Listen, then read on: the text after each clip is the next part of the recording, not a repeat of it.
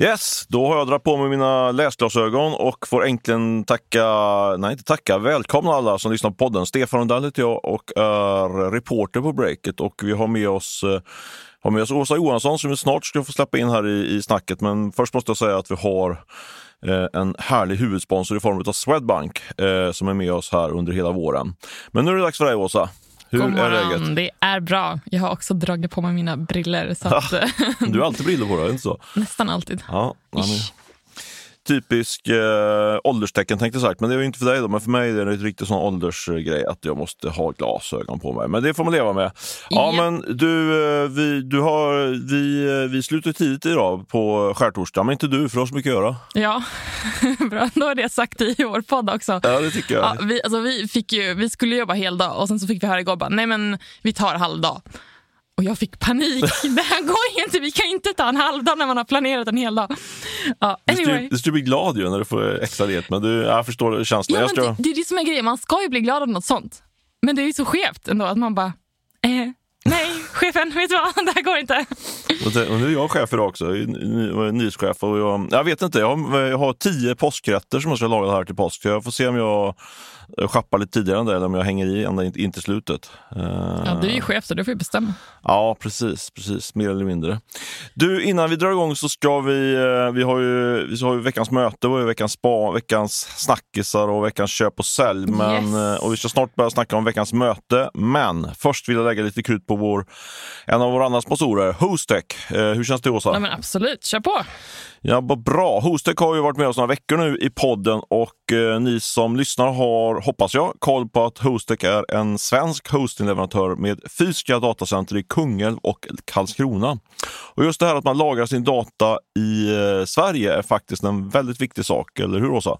Ja, det diskuteras ju alltså allt med, eh, med säkerhet och eh, många företag känner sig inte så bekväma med att deras data lagras ute i Europa, USA eller någon annanstans helt enkelt. Ja, det där är ju en issue som växer och växer faktiskt. Eh, och därför är det väldigt trevligt att Hostic bjuder till och med sina kunder att komma ner till Karlskrona eller Kungälv för att eh, på plats spana in var datan ligger så man känner sig riktigt trygg. Jaha, så pass. Men då kanske det är läge för oss att ta en liten tur ner till eh, Kungälv eller Karlskrona. då. Ja, Kungälv ligger ju nära mina, mina, mina hoods, gamla hoods i Ljungskile, så varför inte? Eh, det vore faktiskt riktigt spännande att se hur de där centren fungerar i praktiken. Eh, ja, jag får lägga in en, en offert till min chef där om vi får ta en resa ner till Kungälv, eller varför inte till, Karlskrona framöver.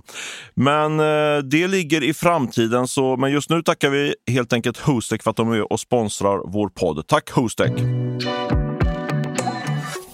Vi rullar vidare på veckans möte. Vill du att jag ska börja eller ska du köra? Jag tycker att du börjar, för jag har en grand slam till möte den här veckan. Så Underbart! ja. Och jag har faktiskt två, jag har fått baka ihop två möten för att de är lite svaga om jag ska vara ärlig. Men vi får se vad du tycker om det. Den första är från, det är så anonyma möten är det. Den första är från, du, du har koll på det här lite grann, men jag tyckte Lite. ändå det var lite kul att ta upp det i podden. Jag fick ju ett, eh, ett bud från en okänd beundrare, eller Thomas hette han, eh, den här Ja. beundraren. Eh, Och han tackade för en bra podd till dig och mig Åsa. Visst kändes det bra? Alltså, lite, lite correction här. Tackade ju faktiskt inte mig. Nej, jag vet, det stod Stefan faktiskt. Ja, men eh, vi delar på okej. innehållet i det här härliga Nej, poststeget. Jag, jag kommer ju käka upp rubbet bara för Det gör du rätt i. Särskilt jag som har på att deffa inför min 50-årsdag här, så det tycker jag du ska göra. Ja, exakt. Men ja. vi, vi gör väl en, säger man shoutout, säger man så? Jag försöker vara lite tre- eftercool Ja, här. shoutout. Ja, shoutout, ja du vet. Mm, det tar sig, tar sig här. Men alltså, vi, vi vet alltså, jag vet fortfarande inte vem den här Thomas är. Nej, inte jag heller. Nej. Jag googlade Thomas i min mailkorg men hittar ingen. Eh, nej, men det är jättetrevligt ändå att vi får såna, såna, den typen av beundrarpost får man väl säga. Uh, nästan ännu roligare är ju om ni signar upp er på Breakit Premium. Uh, då vet ni att ni alltid har en väldigt bra eh, rabattkod om ni hör av er till mig direkt på stefan.breakit.se. Men uh, hatten av till Thomas. Men det jag tänkte lite grann för att få någon form av vad ska man säga, linje i det här veckans möte, det är att jag plockar upp min andra, mitt andra möte. Det var också från en okänd person, en okänd tipsare. Eh, så jag fick tips om Junkyard, eh, den här streetwear eh, klädmärket. Säger man var på rätt ganska stor e-handlare faktiskt. Ja, men just det. Men vad, vad sa den här tipsaren? Ja, men det, var väldigt, väldigt, kändes som ett, det är alltid sådär när man får tips att man, man får såklart värdera tipsen. Men jag kände direkt att det här var en initierad tipsare som hade koll på läget. Mm. Men vi var inne i det förra podden, att man måste ju ändå kolla en story. Man måste ju aldrig kolla en bra story, kan vara ett journalistskämt. Men det, det lever vi inte efter. Vi försöker kolla. Ja. nej, men tipset var helt enkelt att det går ganska dåligt för Junkyard och att de har tvingats göra eh, uppsägningar. Eh, för bara för två, tre veckor sedan tror jag de la ett eh, varsel som inte har ingen uppmärksammat, ingen fått reda på. Men eh, det var hela, näst, jag tror 60 procent av personalen i Göteborg har fått sluta. Oj, men vad var anledningen? Eh, och Det var det som jag tyckte också var bra koppling till det vi har pratat tidigare här i podden. Dels har vi snackat om att eh, eh, det här med att det är svårt att få personal, att nu börjar det komma uppsägningar då, mm, och varsel. Exakt. Så det var liksom första checken på att det är ett eh, tecken på det. Och det andra var eller, på att vi ändå varit hyggligt eh, rätt ute i den spaningen. Men den andra delen var det vi snackade om synergier och svårigheten att få ut synergier. Mm. Och det här är ett exempel på det. För Jankar köptes av en stor norsk spelare här för något år sedan eller två. Och då var tanken, och det här är en del baserat på vad tipsaren sa, för det var väldigt svårt att få tag på, på vdn. Det blev bara mail, en mailintervju med, med okay. den personen. Men i alla fall, eh, då skulle de byta teknikplattform, som du minns att vi pratade om i förra yes. Och det gick inte alls bra. Eh, eh, sajten blev mycket sämre och försäljningen rasade. Och det här är lite grann i efterdyningar av det här tror jag också, som, som det här kommer. Så det är två stycken trender som den här Junkyard-tipsaren mm. checkar in på. Dels att det börjar vi börjar se eh, uppsägningar i den eh, tidigare så heta techsektorn och det andra är att det finns eh, en hel del eh, får man säga, värdelösa synergier där ute som man ska se upp med. Men om det är en värdelös synergi, då är det ju egentligen ingen synergi. Helt rätt. Men eh, en, en, vad säger vad var det Ulf där sa? En, en inställd spelning också en spelning. Nej, men det var mina, min, mina, halv, halv, mina två halvljumna möten. Men ändå, lite, säg ändå någonting om världen vi lever i tycker jag. Dina möten då? Ja, mina möten. Är du redo nu? Ja, nu är jag redo. Nu är jag peppad. Ja, så här.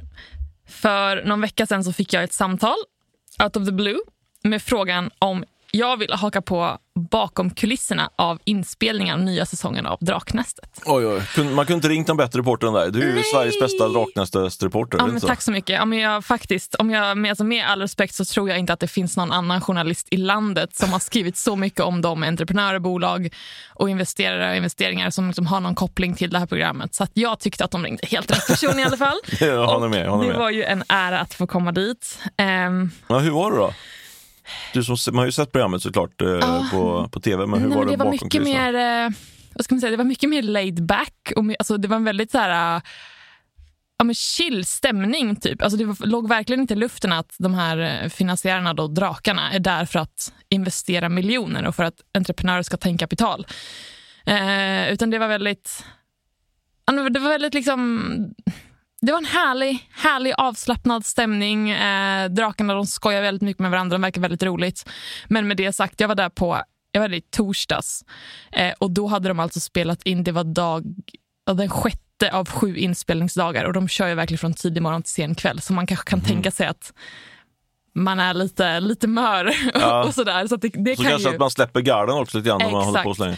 Men, och hur lång, det har jag alltid undrat över, och tror du sa det till mig också, men det kan jag tycka är kul om lyssnarna också kan få lyssna på. Alltså hur, långt, hur lång är en sån här, man, väldigt, man fattar att det är klippt en hel del, men ungefär hur lång är en pitch? Liksom? Hur länge håller de på och snackar med entreprenörerna? Runt 45 minuter lång. Och det är ju verkligen inte vad man får se i tv. Utan då är ju ett när det sänds i tv så är det ju ett helt program. Vad är det, typ en timme kanske? Mm, och så är det ju mängder med pitcher under ett program. Eller under ett avsnitt. Eh, Men ändå tycker jag det, jag tycker ändå intressant, det är 45 minuter, så att det, det, är ändå väldigt kort tid. För de ska ändå chippa in en miljon och sådär. Eh, med, med, med tanke på hur man gör vanlig liksom, eh, due diligence-process som det heter. Alltså att man kollar på kollar bolagen och lär känna, framförallt lär känna entreprenörerna. Så, så det är rätt ja, snabbt. Liksom. Ja, ja. Och, och jag... det förklarar, ursäkta, men jag tänkte bara slutföra. Det, det förklarar väl också att det ibland inte riktigt kommer i mål efter sändning. Då, för upptäcker, man kanske upptäcker saker efteråt när man lär känna varandra lite mer. och så där. För det har ju, har ju varit, eh, eller hur? Visst har det varit några case där det inte blivit eh, i slutändan inte blev någon investering? Ja, eller framförallt i de eh, säsongerna av Draknäs som, som gick för, alltså säg nu vet jag inte exakt när det var, men omkring som tio år sedan. Mm. Då var det flera som liksom, ah, okay, de tackade ja till investeringar och så vidare i programmet, men sen så följde igenom efteråt för att då mm. gjorde de en checkup och sen så, nej men det här levde ju inte alls upp till vad vi hade fått höra. Liksom. Mm. Eh, men i under förra säsongen, då var det mer att, att det var lite tvärtom kanske. Att nej men man fick inte in så mycket kapital som man hade hoppats eller man fick inget kapital men sen så efteråt så, så blev det en deal ändå. Mm. Med eh, drakarna då? Eller? Ja, eller ja. att man har liksom träffat andra investerare. Som liksom, för det här är ju det bästa skyltfönstret du kan få skulle jag säga. Mm. Eh, det är bästa sändningstid. Det finns ett bättre, hela landet. ett bättre skylt, det vet ja, Shift. Ja, precis. Ja. Vår eget draknäste. Exakt. Um, men då mötet som jag hade när jag var där det var då med vilka jag numera kallar för the big five, som är våra drakar. En antilop och en, eh, ett lejon. lite ja. så. så det är Jakob De Geer, Lena Apler, Jonas Eriksson, Sara Wimmerkrans och Shervin Rassani. Eh, och jag, alltså jag blev nästan lite starstruck. Jag har ju pratat med de här alltså, flera gånger om. Ja. Um, men att träffa dem i samlad trupp, det var ju lite mäktigt. Jag, jag hör att jag låter lite... här, ja, men det är okej. Det är okej. Ja. Um, så att, ja, jag kom dit och sen så jag hälsade på dem och sen så skulle den här pitchen dra igång. Då. Eh, och då var jag med, jag satt bokstavligen under kamerorna eh, som svävade runt i, ovanför mitt huvud. Och eh, det var jättehäftigt. Var det. Eh, väldigt stort rum tycker jag att det var. Mm. Eh, var var det någonstans? Eh, det var i Filmhuset. Filmhuset vid, vid ja. och sen så efteråt så skulle hela ligan då käka lunch, så då hakade jag på. Som, jag åt inte lunch med dem. Eh, du bara satt och tittade på dem? Jag satt och stirrade när de åt. ja. eh, nej, men så snackade vi liksom om, om eh, den här säsongen och eh, vad de tycker och eh, så. Och, eh, alltså, både, flera av drakarna de sa att, nej, att, att det, det är högre kvalitet på bolagen det här året, eller pitcharna mm. och de startups som är med än, än förra säsongen. Just för att nej men de, har, de har kommit längre, det är bättre kvalitet och de som inte har kommit lika långt de är bättre på att presentera liksom, och paketera och, och så. Eh, så det var kul att höra. Eh, så det ska bli jättespännande att se i höst. Men jag kan inte avslöja någonting av den pitchen som jag Nej, fick men du, höra. Ja, men du fick se den till, det finns ju en pitch till slut så att säga, och så du vet slutresultatet i just den pitchen kan man säga. Inga kommentarer. Nej, inga kommentarer. Du är för lojal mot, där, mot de där drakarna. Ja, men det är väl rimligt. Det är trist att spoila någonting. Eh, det är ingen som tjänar på det egentligen. Eh, ja, bra spaning, eller eh, bra möte måste man säga. Tungt möte.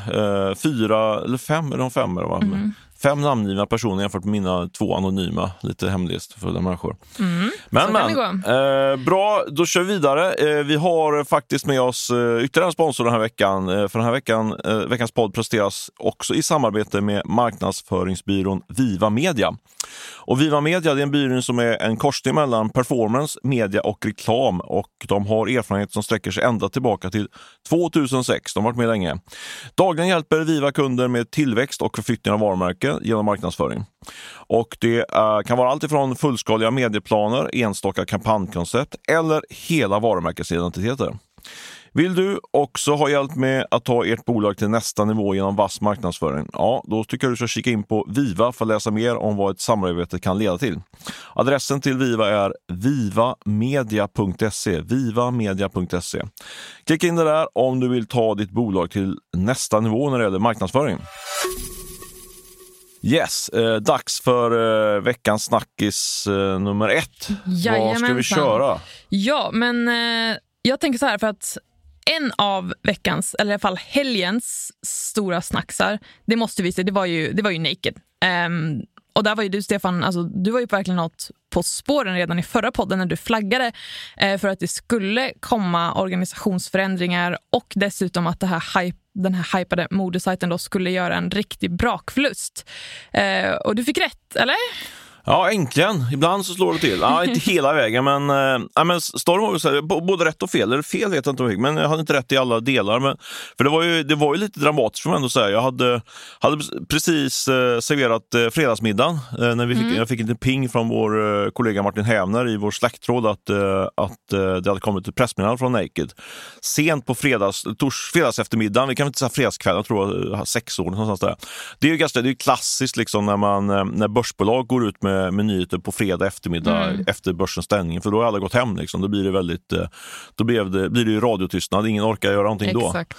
Förutom jag faktiskt. För jag, Förutom du. måste ge lite cred till mig själv. För jag, det var, nyheten var ju då att eh, Anders Christiansen som, eh, som eh, eh, i januari var det väl som det eh, aviserades att han skulle ta över då från, från eh, den nuvarande eller grundaren och, eh, och eh, storägaren eh, Jarno Vanha Tapio. Eh, och det var ju storyn, eh, det var ju storyn fram tills på fredags, fredags eftermiddagen, kvällen. Men då dök det upp att Anders Christiansson hade sagt upp sig då efter bara en månad post. Han tillträdde eh, i, i eh, början av mars där. Mm. Ja, men, Men exakt. Alltså, jag för- käkade upp och eh, satte mig vid datorn. Du käkade upp, satte dig vid datorn. Ja. Alltså, när jag såg det här, då hajade jag verkligen till. För att vi har, ja, vi har pratat om det här några gånger och sådär. Eh, men nu har alltså, okej, det har gått en månad sedan han tillträdde som ny vd och nu så bara kliver han av med omedelbar verkan. Eller? Visst var det så? Ja, Ja. precis. Och han Eh. skrev ju också ett ganska saftigt, eh, eller i alla fall för att vara i, i det sammanhanget, ett ganska saftigt eh, eh, uttalande eh, där han förklarar varför han sa sa upp sig. Och det, det som framgick i det uttalandet var ju att eh, han tyckte helt enkelt inte att det som hade utlovats hölls. I den. Han gick in, i, började första mars och så gick, gjorde han liksom en översyn av bolaget och då upptäckte han saker både i, i modellen och i, i organisatoriskt liksom, i bolaget som inte var, ah, det här var inte, det var inte det han hade förväntat sig. Det var så för dåligt ut helt enkelt, som man säger, när han tittade under huven på bolaget. Ja, Så det det- låter illa. Ja, det får man säga. Det är, det är ganska... För Naked är ju ändå, som du sa, det är ju liksom ett, ett hype, en av de mest hypade eh, e-handlarna och överhuvudta- överhuvudtaget techbolag kan man säga. De fått in mycket i riskkapital, värderas till över 5 miljarder kronor och har massa tunga ägare i, eh, bakom sig. Så att, eh, så att allting inte riktigt står rätt till i ett sånt stort bolag, det är ju, eh, ja, det höjer man på ögonbrynen på. Och då Jo. sätter man sig framför datorn och skriver. Ja, men verkligen.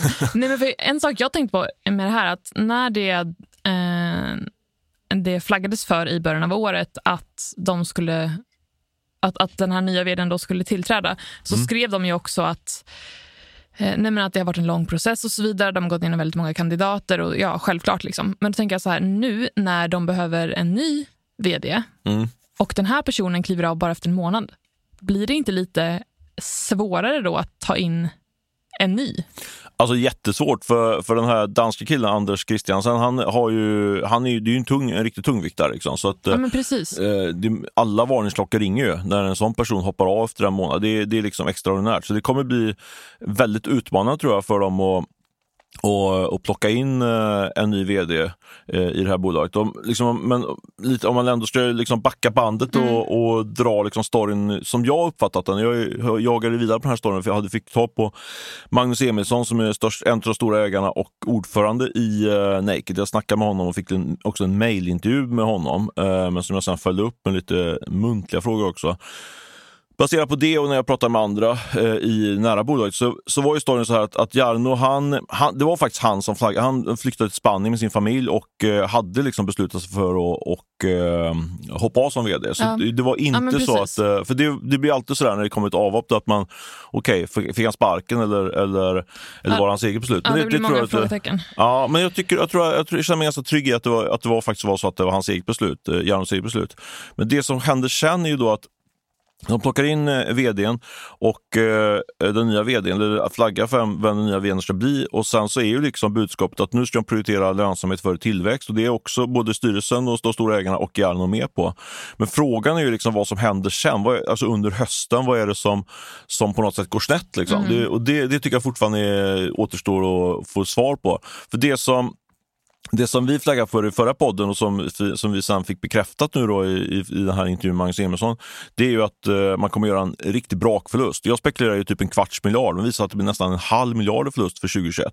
Det är ju riktigt dåligt liksom på ett bolag som, som omsätter 2,3 miljarder. Lönsamheten är ju usel får man Ja, säga. verkligen. Och bakom den förlusten, det man förklarar den förlusten med, det är ju eh, huvudsakligen två saker. Det dels är det eh, de här ökade fraktkostnaderna som vi har pratat mycket om i podden, eh, som har slagit hårt mot dem. Men sen är det också att de har hamnat fel i eh, Eh, eller de har inte fått varorna i tid helt enkelt, vilket innebär att de har haft, om vi pratar förenklat då, fått in eh, bikinis i oktober, alltså svårt att sälja Mhm, helt ja. eh, off-season. Liksom, sådär. Så det gör att man får göra en ganska stor, en väldigt stor lagernedskrivning. Så, så det är, inte- det är inte, allt det här är inte kassaflödespåverkan. En del är ju liksom att man skriver av ett lager då i, i resultaträkningen. Men så det är liksom det som är känt, känd fakta. Men det som jag tycker är Nästa ännu mer oroväckande, för det, det, och det måste man ju kunna hålla hållit den här eh, Anders Christiansen uppdaterad om, alltså för det har ju hänt under hösten. Men det som är oroväckande tycker jag, det är när han liksom tittar då under huven som jag, som jag uttryckte mig och då i en, liksom ett skriftligt uttalande. Vdn säger att eh, han hittar saker kring styrningen och verksamhetsmodellen.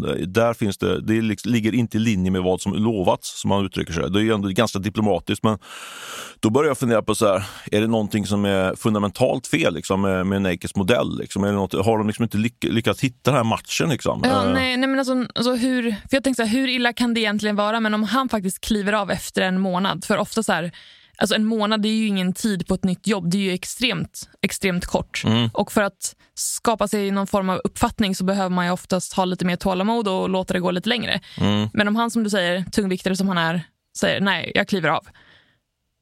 Ja, nej, det är många frågetecken. Eller vad, liksom, vad, vad tror du? Finns det fundamentala problem? Ja, men jag tror det är, fel, det är väl upp till bevis på något sätt nu, för nu, man har ju verkligen gasat det här bolaget då och bara kört tillväxt, tillväxt, tillväxt. Och eh, nu ska man då vrida om till lönsamhet och då tror jag att det finns säkert en hel del i... För, för när man kör ett bolag så fort eh, så kanske man eh, ger avkall för en del saker som man, man tänker att det löser vi sen liksom, när, vi, när vi ska vrida om till lönsamhet. Så det finns nog säkert en hel del i den här maskinen som går att skruvas på och göra, göra, alltså förbättra lönsamheten eh, ganska radikalt. Men eh, tjurigt läge då liksom, när, när en sån tungviktare hoppar av. Och nu ska man ha in, någon, ny, in någon, någon ny kille eller tjej som ska köra det här. Och Det kan nog, det kan nog ta en stund. Och, och samtidigt då under, under tiden då som plockar man in eh, liksom på något sätt Jarnos gamla garde. Det är ju det Nakeds operativa chef, han heter Oskar von Konov mm. och han har varit med väldigt länge. Jag tror att med nästan sedan starten. Eh, det är han som ska köra bolaget nu, så det, det bäddar inte för något, liksom, något nytänkande, liksom, utan det är lite grann i samma hjulspår som, som tidigare kan man misstänka. Jo, i och för sig, men jag tänker ändå så här att nu har de ju ändå adresserat att de här, eller den, den avhoppande vdn har ju adresserat att nej, det här stämde inte med med vad jag hade förstått att det var sen tidigare. Eh, det är omskrivet i media. Mm, så, för de kommer ju inte få in, de kommer ju inte kunna ta in en, en ny vd som bara ska fixa upp allt det här. Utan känns, alltså, jag tycker ändå att nej men de, de måste ju vad ska man säga, skärpa till sig. De måste ju få ordning på det här. För att Ska de gå ut och annonsera för en ny vd igen så bara, ja, fast ja, det är inte så bra här tydligen. Mm. ingen kommer ju ta det. De måste ju skärpa till sig för att de ska få ordning på det här. Eller? Ja, både ja och nej. Jag tror, om man liksom visar svart på vitt så här ser det ut liksom, så, så du har ju ändå en omsättning på, på över 2 miljarder eh, som du kan liksom jobba med. Eh, och eh, ett starkt varumärke. Så jag menar, bara vdn får, den nya vdn som ska tillträda, bara han får liksom full insyn i vad det är han ska... Eller vad, hon. Eller hon Helt rätt. Eller han eller hon ska ta tag i. Eh, då tror jag det finns ganska många som kan tänka sig hoppa på det. Liksom. Men, eh, men eh, eh, säger emot lite grann att jag precis sa att det kan bli svårt att hitta dem. Jag menar, men, eh, men jag tror ändå liksom att eh, det finns någonting där att jobba med. Och eh, Det blir någon form av turnaround-case. Eh, då.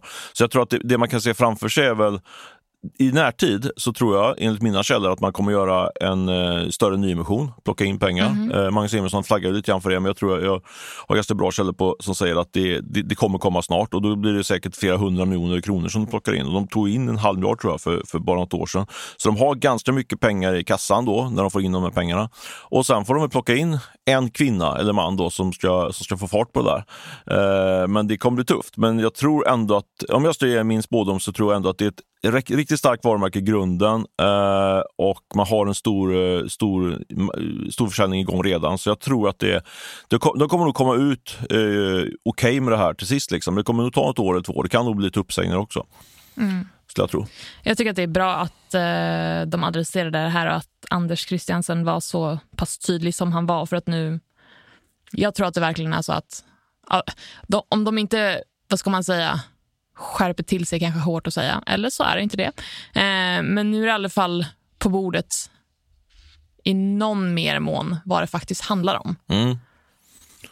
Jag håller med dig. Jag tyckte det var bra att Anders Kristiansson gick ut så pass tydligt. Sen kan jag inte tycka att eh, Magnus Emilsson och, och framförallt Jarno skulle kunna varit ute och snackat lite mer lite tydligare lite mer öppet än eh, de gjorde. Men det de, gjorde, det de snackade, i alla fall Magnus snackade, då snackade de i alla fall med rätt, rätt kanal, Breakit. Exakt. Det gillar man ju. Det gillar man ju. Ja, uh, du, ska vi rulla vidare på veckans snackis nummer två? Det tycker jag.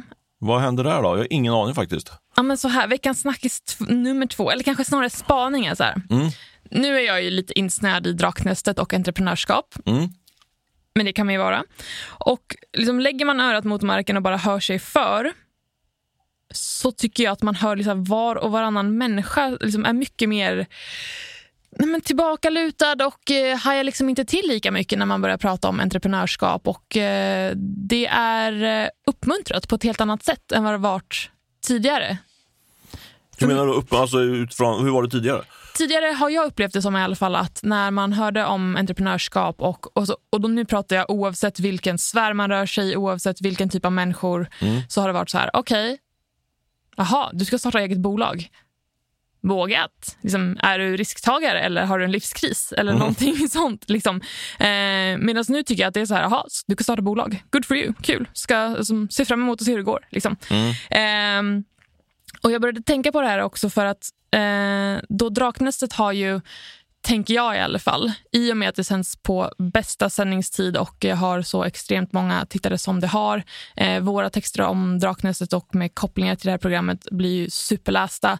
Så tänker jag så här, okej, okay, eh, är det här programmet någon form av, jag vill inte säga motor, men kugge i alla fall? Eh, I vadå, i entreprenörshjulet? Lite grann, så. Ja, i entreprenörshjulet och just det här att liksom pushen till att våga ta steget. Mm. Så jag frågade drakarna när jag satt med när de käkade eh, mm. eh, om de upplever att det här programmet haft en uppmuntrande effekt kring entreprenörskap. Varpå Jakob De Geer säger att han tror att de kryddar upp den mainstream-trend som finns. För det är ju faktiskt, säger han, det är ju nästan mainstream att starta bolag idag. I alla fall i den yngre generationen. Och Det här tyckte jag var väldigt lustigt. Och då var så här, ha, tänkte bara skjuta ut den frågan till dig, Stefan. Tycker du att det är mainstream att starta bolag? Uh, ja, i vissa kretsar tycker jag att det är mainstream. Uh, I de kretsar som kanske Jakob De Geer rör sig i, liksom i Stockholms innerstads uh, handelsgängskretsar, mm. där är det verkligen blivit... jag vet när Sebastian Semikovsky på Klarna, när de drog igång Klarna, det hette inte ens Klarna, det hette något annat då, i, när det gick de på Handelshögskolan, då stack ja. de verkligen ut. Det var, det var nästan nördar liksom, mm. som startade. För då, på Handelshögskolan i Stockholm ska man bli managementkonsult eller investmentbankir. Liksom. Det är ju det, som, det, är det klassiska där. men de stack ut då, det här var ju länge sedan, eh, när de blev, eh, blev entreprenörer istället. Sen, sen så kom det ju någon ny undersökning, de gör liksom undersökningar år efter år där och kollar på vad, på vad Handels alltså? Ja, precis. Ja. Och det vet jag Sebastian han har sagt det i flera sammanhang, att det blivit helt annorlunda där de sista åren. Att man nu ska man bli entreprenör. När man går på, nu förenklar jag lite grann. Det, mm. Fortfarande är det het, hette var bankir och managementkonsult. Men nu, nu, ska, nu är det liksom en helt annan sak. Eh, mycket mer normal, naturligt att bli entreprenör helt enkelt. Så där tror jag, i det sammanhanget, tror jag, i den eh, gruppen av människor, så tror jag absolut att det blivit uh, mainstream, nästan lite vanligt att bli entreprenör. Men däremot så tror jag ute i landet och i andra liksom, kategorier av människor, tror jag fortfarande att det är ändå rätt stort steg att starta eget. Och sen är det också, starta eget, beror på också vad man menar starta eget. Startar man ett levebrödsföretag, startar man en restaurang eller en, en hår, hårfrisörssalong. Liksom, alltså jag tycker bolag som bolag. Ja, Alla det... kan ju inte bli en Klarna eller en Izettle. Liksom. Nej, men precis. Men jag menar, men eh, jag tänker det Claes, eller Claes, som heter han, Jakob De Geer syftar på att tänka nog ändå att det är liksom att man drar igång någon, ett fintechbolag eller något, något som kan skala. Jag, tyck, jag tycker ändå man kan göra en distinktion mellan en startup och ett van, en van, starta eget-företag. Liksom. Starta eget-företag, då är det, en startup säger jag, då har man, i min definition är att man har ambition att växa ett bolag väldigt stort. Alltså, liksom, det ska hundratals miljoner i omsättning. Det förändrar världen liksom, på något sätt. Där. Det är inget fel att starta andra, starta en, en eh, frisörsalong, det kan, men det är en annan sak. Liksom. Då har man inte den typen av, eh, då har man en annan typ av ambition helt enkelt. Eh, och just men du startar ju fortfarande ett bolag? Absolut, man startar, men när man gör den distinktionen mellan startup och startat bolag, starta eget då, kan man, startup och starta eget kan man kalla Starta eget är liksom mer att man drar igång en mindre verksamhet. Eh, men om man gör en startup då har man ambition att växa och skala rejält. Och där, den typen av startups, eh, för det är ju mycket större risk också. Där tror jag fortfarande att det är absolut inte mainstream bland eh, normalsvenskar att dra ett sånt bolag. Mm. Jag tycker att det är en jätteintressant diskussion i alla fall. För, mm. eh, Mm, jo, men för Lena Apler sa lite som, eh, som du var inne nu på att för så ett par, tre år sedan, framförallt i Stockholm, så verkade det som att det var så himla inne att vara entreprenör. Mm. Och Hon drog också då exempel, okej, okay, folk gick ut Handels, man undrade vad man skulle göra. Liksom. Och då, bara, ah, nej, men då kom man fram till att jag skulle bli entreprenör. Exempelvis. Mm. Ja, Sara Wimmercrantz satt ju med också såklart, en av drakarna. Ja, men hon var lite så här, ja, men det, är liksom, det har ju inte tagit sig ut i landet. Liksom, det är alltså att, att vara i, i Stockholm i den liksom startup-sfären, det är en sak. Men att vara, om vi tittar på det långa landet Sverige och vara ute i landet så det är en helt annan sak. Mm. Eh, Lite grann som jag var inne på då, kanske? Ja, nej, men mm. visst. Eh, och hon sa att, att, det är en förhoppning med, med det här programmet och att det sänds i public service om att det ska få lite mer liv. Eh, ute i landet. Så tolkade jag i alla fall det ja. hon sa. Men jag kollade upp det här lite snabbt med antalet nystartade bolag. Eh, och det är faktiskt så att under förra året så slog Sverige nytt rekord i antalet företagsstarter. Igen, det här har man ju hört hur många gånger som helst. Eh, är inte det en lite pandemieffekt också? Att folk startar eget i, man sitter ändå som konsult hemma och sen drar man igång något. Eller? Kanske inte? Jag vet inte. Ja, ja. kanske. Ja. Det var i alla fall 70 88 711 nya företag som startades förra året. Det är en ökning med 7,1 procent jämfört med det tidigare rekordåret 2020. Eh, och Det här är alltså statistik från Bolagsverket. Mm. Eh, och såg jag också att aldrig tidigare så har så många nya företag registrerats under ett enskilt år. Eh, enligt den här statistiken då, som sträcker sig tillbaka till 1984. Och då säger okej, okay, är det rekordår? Så gott som jämnt då. Liksom. Mm. Och då är det så ja men det kanske inte är mainstream och mainstream, visst, men lite som du var inne på, det kanske, är, det kanske blir naturligare på ett sätt. Och också liksom många, det här pratade vi också lite grann om eh, tidigare du och jag Stefan, men varför startar man bolag? Är det för att man tänker att ah, nu har jag en idé som jag kan bli rik på? Eller, eller hittar man snarare liksom ett problem som man tänker att det här kan jag lösa om jag kommer på, nej men man ser en lösning, en produkt, en tjänst eller nu vad det kan vara, så startar man ett bolag för att lösa det här problemet helt mm. enkelt. Mm. Eh, och det är klart att det kan bli lönsamt, men ambitionen är kanske från början bara att här är ett problem, det här måste vi lösa.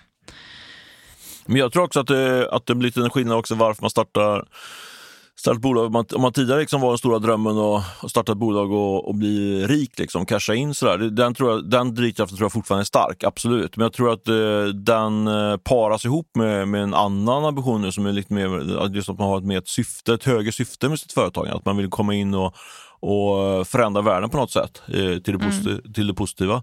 Eh, det tycker jag man ser jättetydligt med ja, men, eh, Niklas Alaberts Norrsken är ett exempel på det, alltså impact-investeringar, att man, att man investerar i, i företag som, som, som kanske inte ska bli en unicorn i, i i dollar räknat, utan ska bli alltså ett, ett bolag som är värt min en miljard dollar. Utan de vill ju, göra, de vill ju starta bolag som kan ha en impact på mer än en miljard människor. Mm. Det är liksom det som är deras ja. purpose. Och, eh, så det tycker jag också är tydligt, tycker jag man sett i, liksom, i den här, under den här breakit-resan på sju år, att det blivit liksom helt annat, gått från, inte bara liksom datingappar och, och fintechbolag, liksom, utan den här impact-trenden är ju, eller trend är synd att kalla det, men eh, den rörelsen är väldigt eh, mycket mer starkare nu än det var för några år sedan. Ja, men så är det ju. Vilket verkligen. väldigt positivt får man säga. Ja, men det är det. Men du, jag tänkte, alltså, du har ju startat Breakit. Du är entreprenör, du är bolagsgrundare när du drog igång tillsammans med, med din medgrundare Ola Aronsson, drog ni igång för att ni såg att nej men, måste finnas? Eller var det att breaket måste finnas och vi kan säkert eh, casha ut på det här också? Nej, men jag tror att det var en kombination. Jag, jag, tycker att det är väldigt bra att ha dubbla, båda de drivkrafterna. Det tror jag är den bästa kombinationen. Att man vill, dels vill tjäna pengar men också göra, göra gott helt enkelt. Den kombinationen, eh, om man liksom då kan göra gott eh, på ett sätt som man gör att man tjänar pengar, så det tror jag är den bästa. Men vilken var den starkaste då? Eller var det helt och hållet 50-50? Nej, men först, I början var det bara ren lust. Liksom. Man såg att liksom, här finns det energi. Så här, liksom. här, mm. här finns, det är ingen som, eh, som tar det här greppet. Vi vill bli liksom, kyrka mitt i byn för den svenska tech och startup-industrin. Mm. Uh, och jag tror att journalistik en superviktig del i, i hela det ekosystemet som kan, som kan driva fram bolag som kan förändra världen. Uh, och uh, det var liksom uh, det var det jag ville göra. om nu bara talar för mig själv då. Sen att man kunde tjäna pengar på det också. Det, man måste ju tjäna pengar på det för annars går det inte att fortsätta driva bolag. Liksom. Så, så jag älskar att kränga men också bygga, för, bygga företag med hjälp av bra journalistik. Det blir som ett brandtal här men, det, men det, så är det faktiskt. Mycket fint. Ja. Bra, men du, ska vi säga någonting mer om det här eller ska vi gå vidare till veckans köp och sälj? Nej, men jag tycker det är en intressant spaning. Eh, Just det här med liksom, jag gillar ändå det här citatet från eh, Jakob De Geer att eh, starta eget har blivit mainstream. Det, var entreprenör. Det, fin- det finns någonting där. Jag tycker det är en bra, bra fångat, bra spaning. Liksom. Det är något att ha ögonen på, eh, vad, vad det tar vägen framöver. Men jag tror fortfarande att eh, det finns, eh, vi ska mycket, sprida evangeliet om företagandet framöver ut i landet och ut i förorterna också. Typ. Jag, jag tror helt klart att ännu fler kommer i alla fall vilja försöka testa. Att man, man liksom doppar tårna i vattnet och... När testar du? Starta bolag? Nej, nej, nej. Jag är på så bra ställen nu. Så. Är det så? Ja. Ja. Det tycker jag var väldigt kul faktiskt om, om eh, en eller flera från Breakit-sfären skulle dra igång egna mediestartups. Det skulle vara... Det, Breakit-utmanaren. ja, det skulle jag tog i med faktiskt. Ja, men det är kul när det blir ringa svettigt. på vattnet. Så. vi får se. Eh, ja, nej. Ehm, vi får helt enkelt se, men jag lovar att flagga för det om det blir. Och så förväntar jag mig att Breakit skriver en fet artikel om det också. Det kan du räkna Det kan du, det har du, det har du eh, mitt löfte på. Thank you! Du, vi dunkar vidare med våra veckans köp och sälj. Eh, jag har lite specialare den här veckan, så jag tänker att det är nog bäst att du börjar med antingen köp eller sälj, så, så hakar på sen. All right, men du, då börjar jag med min veckans sälj. Mm. Och det är elsparkcykelbolaget Ride. Jaha, okej. Alla dessa elsparkcyklar älskade och hatade diskuterats flitigt länge och väl nu tycker jag.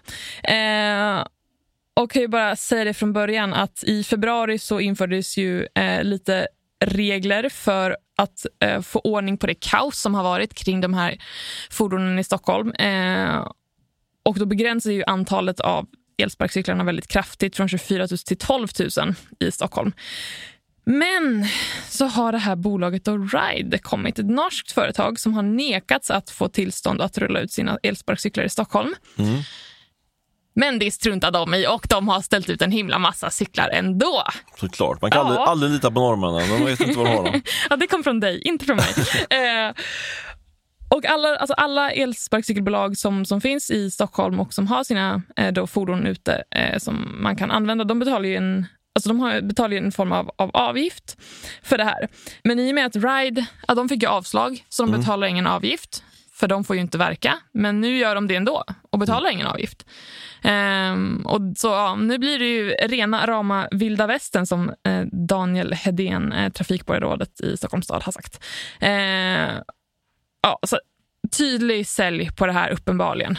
Ja, ja. här har vi regler, tror, jag så här gör vi här. Och det, så kommer några och bara skiter i det fullständigt. jag tror också så att det är sälj oavsett, på även, deras, på, även på deras företag. Så att säga. För jag, menar, jag fattar inte riktigt, det är ju rätt kortsiktigt att göra en sån här grej. Alltså man får lite uppmärksamhet här och på andra ställen, men eh, svårt att bygga en affär på det. Kanske att man går mot eh, myndigheterna, tänker jag. Ja, nej, men det är väl inte jättebra. Eller så bara så checkar de läget. För om de ställer ut, nu har jag faktiskt ingen koll på hur många sparkcyklar de har ställt ut, men det är en himla massa i alla fall. Ehm, och om de märker att nej men, de är väldigt populära, folk älskar våra elsparkcyklar här. Ja. Då kanske de vet att nej men nu, nu eh, liksom, krigar vi för att vi ska få igenom det här tillståndet och så vidare. Men om det inte alls eh, uppskattas av, av eh, marknaden och stockholmarna som ska använda de här, då kanske de bara tar sitt pick och pack och testar någon annanstans.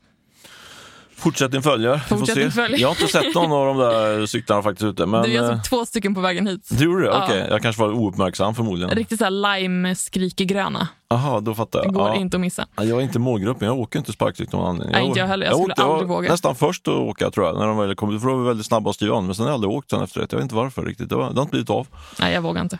Du vågar inte? Nej, nej, det kommer vara en fara för mig själv och alla andra i staden. Så att vi struntar i det. Säger du som är pilot till och med. Ja, Men det är två helt olika fordon. ja, Ja, eh, nej, men du, då kör jag veckans... Jag faktiskt tänkt köpa, köra veckans köp och sälj i en, i en spaning här faktiskt. Ah, ja, synergi, det, eller? Ja, synergi kan man säga. Eh, men jag börjar med veckans köp på, på Kavalls, Kavalls vd och grundare John Tengberg. Eh, Kaval kör ju såna här eh, supersnabba leveranser eh, i eh, Stockholm och några andra städer till. Jag tror det är 6-7 städer runt om i, i Norden. Du får leverans på eh, jag tror 10 minuter. Får man sin, jag, fick en, jag gjorde ett test, jag fick en semla utkörd med mig. Det gick ju på 9 minuter ungefär, fick jag semla. Eh, Men de nu då, John Tengberg, de har tagit in en massa kapital. Det kom nu på morgonen här på tors- skärtorsdagsmorgonen. De har fått in 155 miljoner kronor från en, ett gäng tunga investerare, bland annat Inbox, VNV och Bonnier. Oj, ja, det var inte illa. Så det är ju köp får man ändå säga. Köp på, på John Tengberg. För jag har ju varit ute och flaggat för det att uh, det här kommer bli tufft. Liksom. Det här är ett bolag som uh, torskar massa pengar. Uh, det är ett helt annat klimat där vi fokuserar på på eh, hållbar tillväxt, kan man säga, eller lönsam tillväxt och inte den här typen av att man, eh, att man investerar en massa pengar i, i förluster för att växa fort. Så jag har varit väldigt skeptisk. Där. Vi har varit, jag har vetat om att den här eh, nyemissionen, jobbet på, för att få stänga här rundan varit på gång. Så man skulle kunna säga sälj Stefan Nordell för att jag hade fel det här. Men jag ger mig inte så lätt kring det här faktiskt. Nej, det sista du gör är att ge dig. Ja, det vet vi. För det är ju en, man får ändå säga, just den här veckan är det en kraftig köp på, på John Tengberg och hans medgrundare för att de får in pengarna. Men jag skulle ändå vilja dra det här vidare att, eh, att det är veckans sälj eh, sätter jag på, på de här investerarna som kommer in nu. Eh, eh, bland, annat, bland annat min gamla arbetsgivare Bonnier mm -hmm. Venture som går in. Och för att? Nej, men helt enkelt för att jag, jag är ändå skeptisk mot hela modellen. Och vi har ju sett eh, ganska oroande signaler från eh, USA där, som ligger liksom före den här eh, snabba leveranstrenden. Där har, du, har vi läst artiklar om, eh, om att eh, varje utkörning kostar, liksom, de torskar flera hundra kronor på, på varje utkörning och eh, flera av de här stora spelarna har, har dragit sig tillbaka. Eh, de har liksom, det har varit överetablering. Så jag tror att den överetableringen och eh, ska man säga, det wake-up-callet kommer komma mm. till Sverige också eh, och Norden i, i eh, hygglig närtid. Så jag tror att det är en sälj på den här investeringen som Bonnier Ventures rör, men då, och eh, Inbox och VNV.